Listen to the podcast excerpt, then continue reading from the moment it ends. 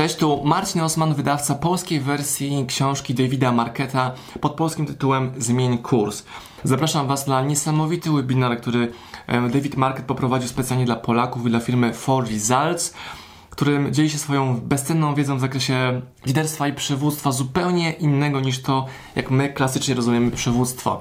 David Market jest byłym kapitanem słynnego okrętu Santa Fe, czyli lekcje od kapitana łodzi podwodnej, który z absolutnie słabej łajby osiągnął ogromny sukces, przeistaczając ten projekt, e, którym kierował, jakim była właśnie Łódź, Łódź Okręt Santa Fe, na lidera w branży marynarskiej i razem z swoją załogą e, dzieli się lekcjami na temat liderstwa i przywództwa. Niezwykle fascynująca przygoda. Zapraszam, merytoryka specjalnie dla Was za free.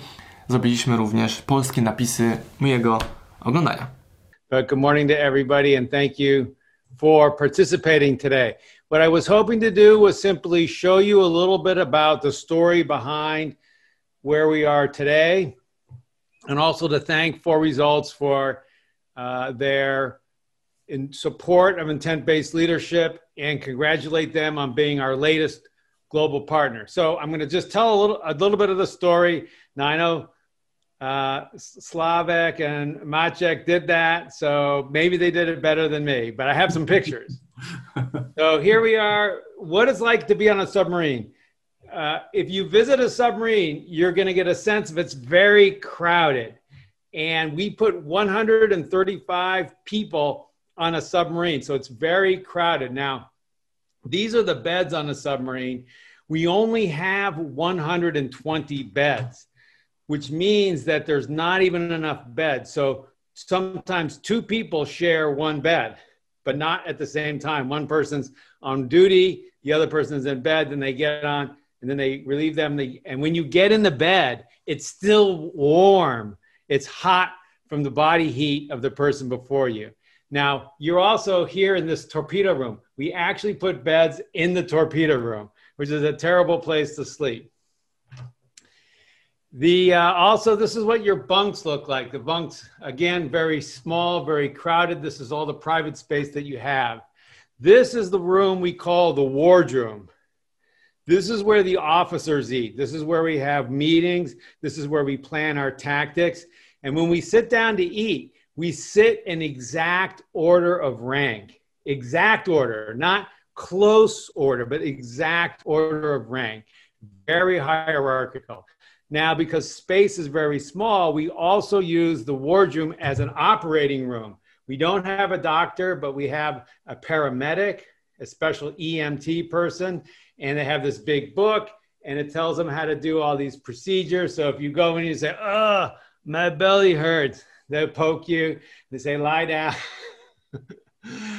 and uh, they can do surgery on you.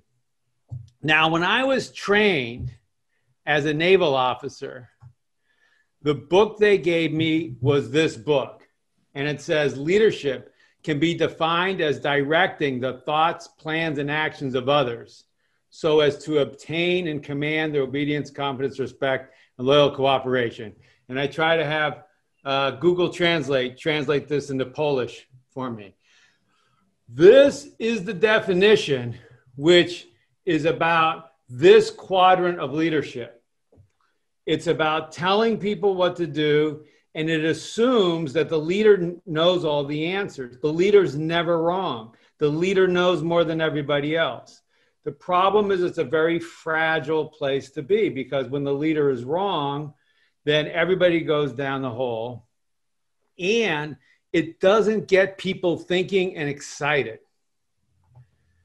But that's the way I was trained. So Imagine a situation like this. We're bringing a special forces team. We, in the United States, we call it a SEAL team.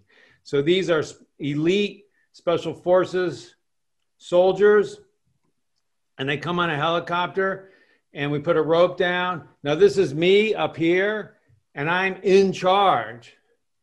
So think about this. This happens very quickly. There's so much noise, no one can hear. And if this sailor has a problem, Let's say this person falls off the side or the helicopter goes off to one side. Does he keep holding on to it? Does he let go? He has to use his head. But if he's going to say, "Oh, Captain, tell me what to do," oh, no, I'll tell him what to do. That's not going to work. It's too fast. Can't hear me. And this is my view. I can't even see what's happening. And this is what's this is what all leaders are dealing with. Because you can maybe see what people are doing with their hands, but you can't see what's going on in here or in here. And so we have to create teams that don't need to be told what to do. They think, they have passion without being told what to do. So my story was I had this model of leadership. I was going to tell people what to do. I was very comfortable, and I was going to be the captain of one submarine, this submarine. And you can see the submarine has these, we call these sailplanes, these fins. And at the very last minute, there was another submarine, the worst performing submarine the submarine we all laughed at and we said, oh, they're so bad. That was the USS Santa Fe. And the captain on the Santa Fe quit. And now the, there was no captain. So the Navy said, Marquet, you don't go to Olympia, you go to Santa Fe. And I was like, no, because the problem wasn't bad morale and bad performance. In a situation where I thought I knew all the answers, I could get through that. I would just tell them what to do because I was the smartest person. But that didn't work because look, the Santa Fe has a smooth sail and the Olympia has this. So the Santa Fe was a different kind of submarine, a very new submarine.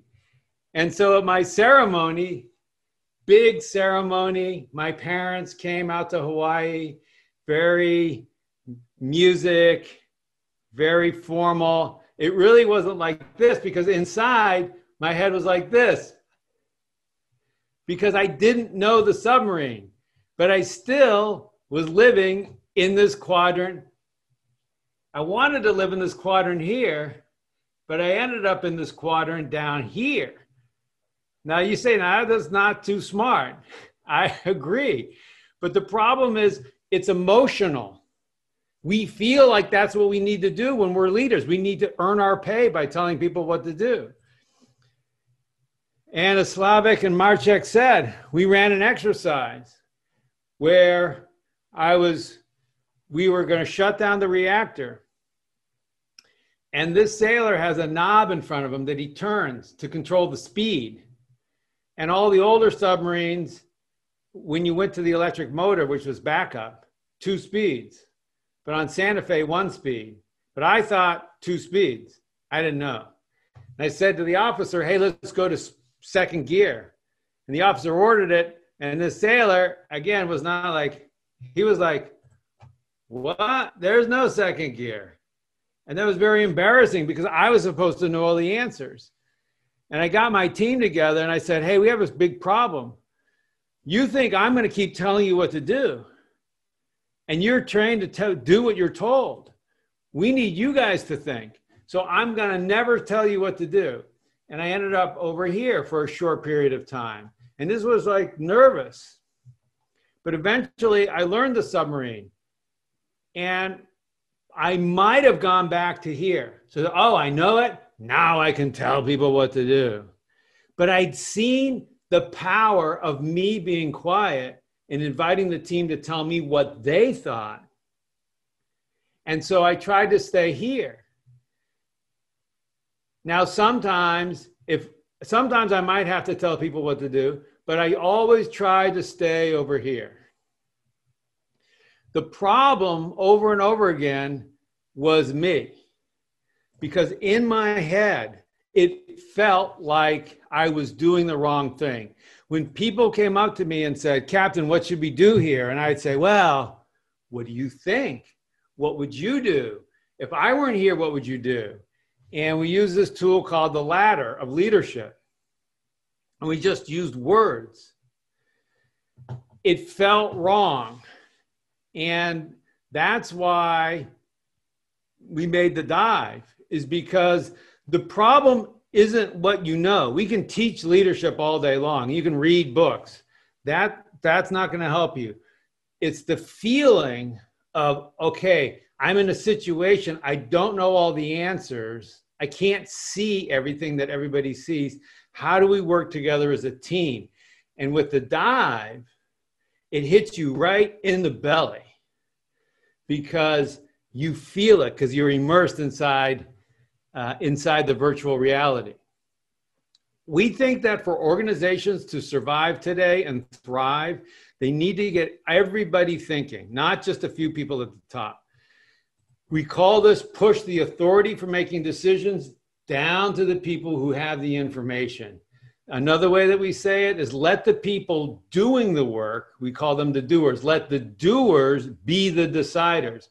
In the industrial age, in the industrial age model, there are two kinds of people. They're the doers, these all these people, and then there's the decider, this person over here. This is a factory in the United States before World War II. Very common industrial age picture thinker, doer, leader, follower, management, worker. And so we split people into two different groups. The problem is humans are not very good at this kind of work. Our minds wander, we get bored, it's not fulfilling, we don't like it. Our grandparents did it because they had to put food on the table but they didn't necessarily like it. They weren't being fulfilled by this work. Now, fortunately, many of us don't have to work like this anymore. But because work was like this, and we had to get humans to do this, we had to create a propaganda system to get all the creativity out of you. And this was called the education system. And so we sent you to school for 12 years to crush all the creativity out of you so that you could go in this environment and you would be productive. or, you know, maybe this girl here. I've got uh, a couple final stories and then I'll open it up and uh, Maciek and I will uh, discuss the, any ideas, stories, or questions that you have. Here we are fighting a fire. And you can see we have the special equipment, the fire hose. And when we start, we would do a practice run. We'd start a stopwatch and we would see how long it took for the team to arrive. When we started, the team took three, four, five minutes. That's too long. Two minutes is supposed to be. and we get together and we say, well, how did, why, what happened? And I heard this word, they. They didn't do this they didn't do that. They didn't. They, they, it was always they. Now, on a submarine, remember the bunks. the bunks are right, you're right next to the person. So this person here said they, this person here. We're all the same people. And I got angry and I said, no, they on Santa Fe, which rhymed. So people believed it. and you had to say the word we. And so he would say, We ordered the wrong part. We didn't prepare. We didn't do this. And now it became we. And, and a very interesting thing happened. Our brains changed as a result of saying we over and over again. Now, on a submarine, you have different ranks, you have different departments, just like in a company. And so we would say, oh, they in engineering or they in operations or they the officers or they the chiefs. So there were lots of different days. But when we just started saying we, it felt like we, but the words came first. So I just, so we took that idea and I said, could we understand just from the words that teams use, whether this is a resilient, agile, and adaptive team or a rigid command and control team? And it turns out that you can tell. Mocne, nie? Dla mnie niesamowite jest to, jak wiele rzeczy można za free nauczyć się w internecie od takich osób jak David Market, kapitan łodzi podwodnej, który ma ekstremalne projekty, dzieli się swoją wiedzą zupełnie za free. Yy, książka Zmień kurs. Pyk. O ta. poszerzy Ci również tę perspektywę. And we studied a number of transcripts, actual language, not made up movie scripts, but the, what people really said in high stress environments. Now, this ship left the coast of Florida in 2015, and it was going to sail from Florida to Puerto Rico. Now, these are the Bahama Islands. This is the Atlantic Ocean out here. There's Cuba, Puerto Rico, Cuba, Florida. Now, out here, this is where the hurricanes form. The hurricanes come and they come this way. And on this day, so this was only five years ago, when the ship went left, that looked like this because the strongest hurricane in 100 years was forming in the Atlantic Ocean. Now, the crew had an opportunity. So the big waves, big wind out here. Now, these islands perform, uh, are a natural barrier that protect the ships from the waves. So you can go this way, but you can see it's a little bit longer. So it takes longer and you burn a little bit more gas. So the ship had two opportunities to go this safe path up here at the top and right here. Final chance. And, and we can listen to the, re, to the officers and the captain talking about whether they should turn. Now, by this point, the ship is rocking and there's lightning and it's in the middle of the night. And they, they know, they got the weather reports. They know there's a hurricane. It's not like they didn't know, but they were just so stuck in the old way of doing business. And there were patterns in the language that they did not make this turn. They kept going and the ship sunk. The hurricane sank the ship. All 33 people died, and it was a tragedy.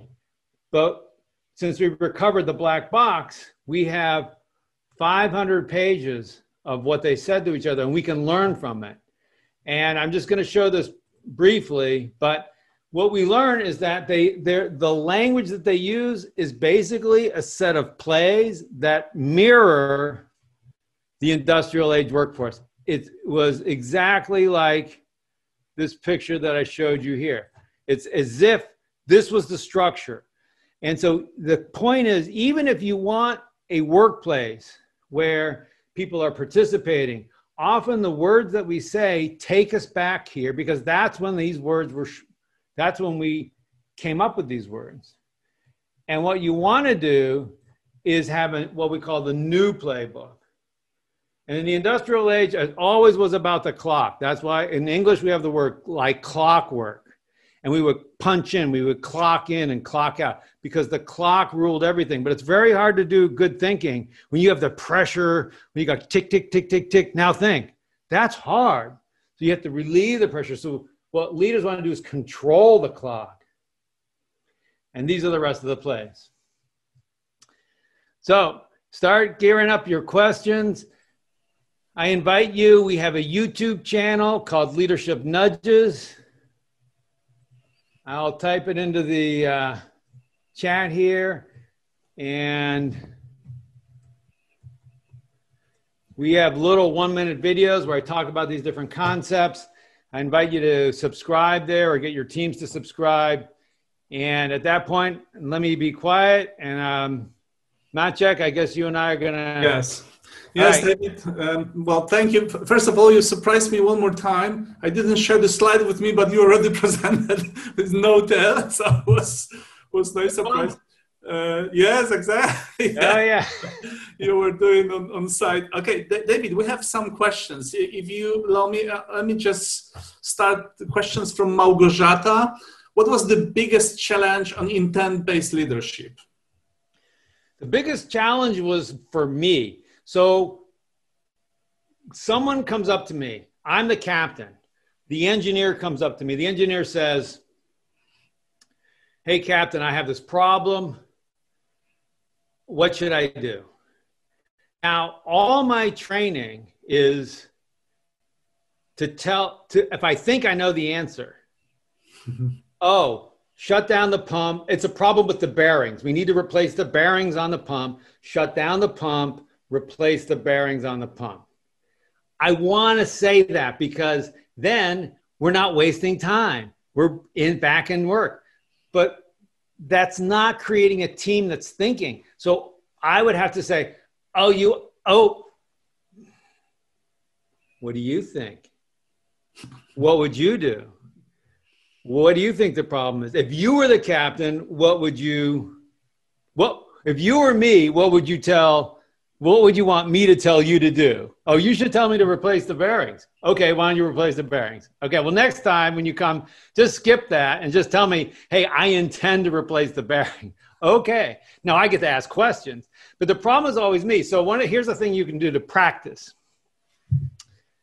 Uh, are you guys shut down from COVID, or are you going? Can you go to restaurants still? Well, we can, but it's, it's tough. Not a good idea. Okay, so um, when when I would go to restaurants, when I, I would try and get the server, the waiter, or the waitress to pick my meal for me. And so you have to give up control to that person over what you're going to eat. But you also need to make it safe for them to make the decision for you. So at home, if you're at home, give up a decision to somebody else, something that's happening at home. So it could be, what book are you going to read next? So I tell, ask my wife, hey, you pick a book for me. Now that might make you nervous or scared, but you can provide clarity or most likely, like my wife knows the kind of books that I want, but she probably will also want to test and give me something a little bit different that she thinks might be good for me. I don't know. But I trust that she wants the best for me. So I'm going to read what she suggests. What movie to watch? Who's driving the car? How uh, folding the laundry, stacking the loading, if you have a dishwasher, loading the dishwasher, how you do the dishes. I don't know about so you, but find so, something that you can give control up and you will feel it in your in your gut what I felt. So, David, you're saying that you're extending intent based leadership not only in the work, but also on a much larger area. Yeah, I, I tell you, it helped me a lot. It's like with my kids as they were growing up, because when, they, when they're little, you have to tell them what to do. They don't know what a car accident is. You have to tell them, put on your seatbelt. Well, why? Be, you know, because I told you. No, because there's act. You can get hurt, and if you're not wearing your seatbelt, you'll be hurt. Okay, and then eventually, when they leave, they have to do it themselves. They have to know how to do themselves. But yeah. David, there is another question from Rafał. Please elaborate more a little bit on the ladder of leadership, just giving some more lights on these different steps. Yeah, so the idea is there's a couple ways to think about this. We're moving from low vulnerability to high vulnerability. We're moving from low ownership to high ownership. We're moving from low engagement to high owner engagement and low levels of thinking to high levels of thinking. So it starts with description. So when someone comes to you and says, Tell me what to do, the idea is always go one more. You invite them to go one up. So, what do you see? Well, here's what I see observation, description, feel safe. Okay, what do you think? what so now, so now what do you see? It's pretty certain. I just look around and say well here's what i see.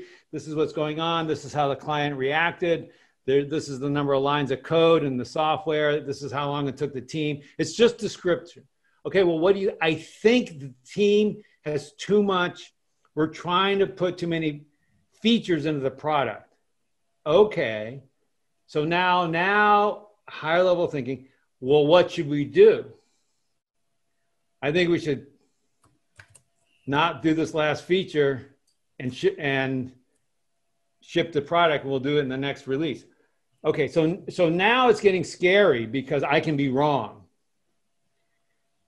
And so, but but we don't jump up to the top. The idea is just slow, slow, slow, gradual, gradual, gradual. And for us, it was just about the words that we said. And on the submarine, I couldn't control the deadlines, the schedule, the courses, the off. I couldn't who, who I got. I had no control over my team, what positions they were in. But we practiced all the time, just every day, a little bit higher, a little bit higher, a little bit higher. David, there is interesting questions from Andrzej. The question is about the book of Mr. Abrashoff, It's Your Ship. I understand yeah. there is some uh, questions about some analogies, some, some similarities. So what, what would you say about it? Uh, well, he was another naval officer. Yeah. So you can, um, you can read that book too. You have to make your own decision about what's different. But he was also a naval officer, and he was the captain of a destroyer, and he wrote he wrote a book also. Okay. There is a question from Łukasz. What is the best way for enabling intent-based leadership style in organization? So I think the best, it's easiest if it starts at the top. It, you can do it from the middle, but it's harder.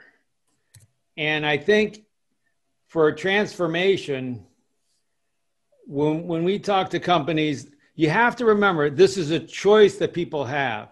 So we don't say you have to act this way. We say, let's run an experiment. Let's we've heard about this idea. Let's try it.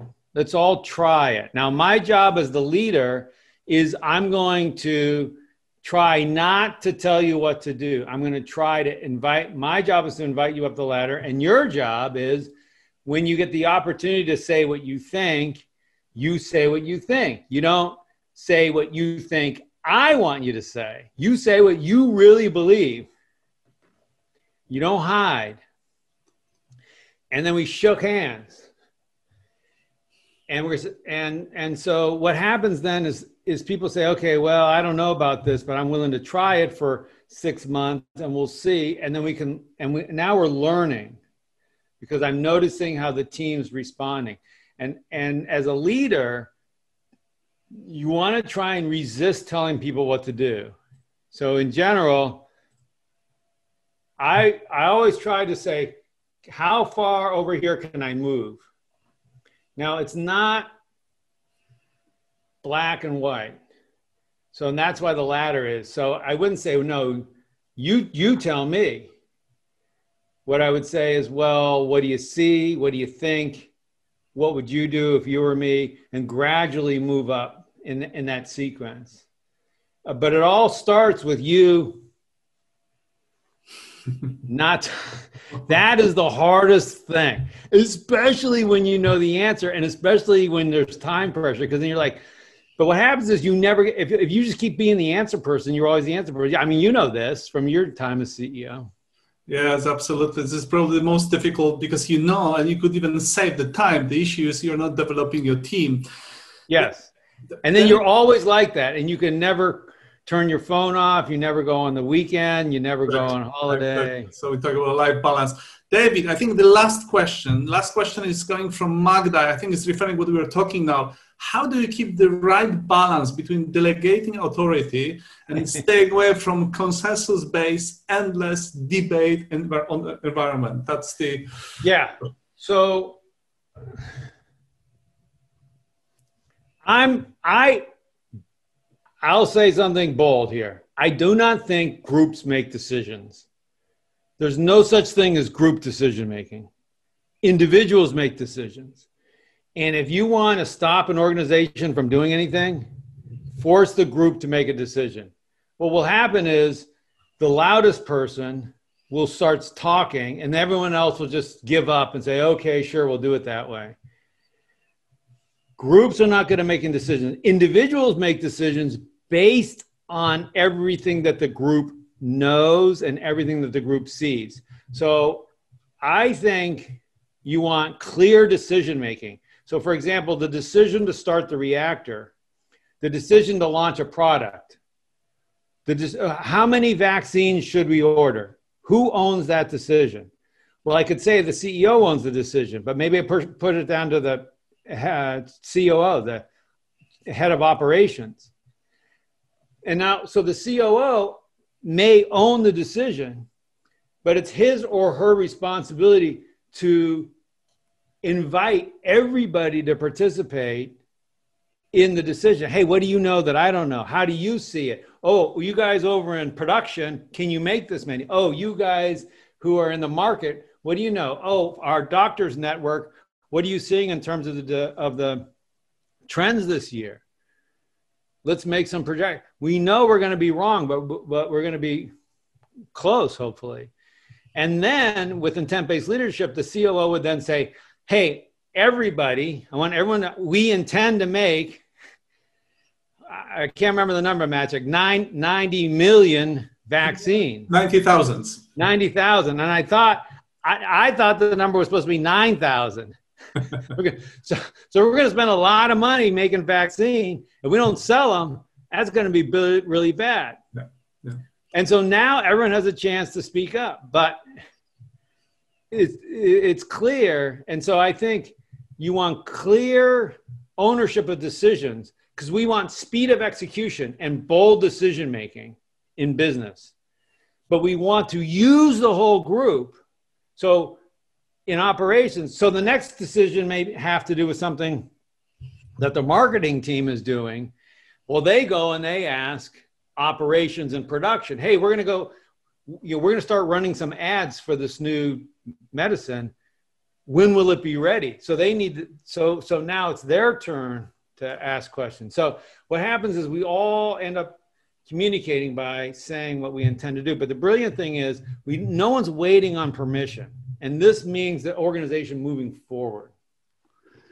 David, um, that was really great. You could be our you'll be, you'll be hosted by us uh, live webinar. I remind you that there was actually second time when you had the chance to talk to the Polish audience, but the first was in end of January, when was the end of normal world, and we were gathering in a big conference room over 120 people. Uh, could you imagine we didn't have a mask? But anyway, I hope we will come back. so I want to say, yeah, I'd love, to, I'd love to come. To, I'd love to come to Warsaw and see you guys. Yes, so this is our wish and our hope that we can get together, having you in Poland live, not live online, but live live. So, one more time, thank you very very much, and uh, all all the best for you. All right. Well, thank you, everybody. And uh, like I said, you can connect. Feel free to connect with me on LinkedIn or whatever. Let me know how it goes. Let me know your stories, and also congratulations to Four Results for being our latest global partner, and and Four Results is our only partner in all of Eastern Europe. So thank you guys for that. Jak? Dobry materiał, nie? Zapraszam Cię do świata Davida Marketa jeszcze bardziej. Książka Zmień kurs dostępna w osmpower.pl może być już dzisiaj Twoja. Zapraszam do stawania się lepszym liderem.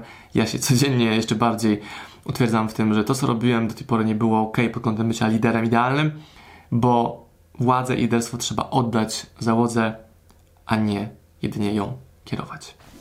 Marcin Osman, David Marquette. Link do książki znajdziecie poniżej.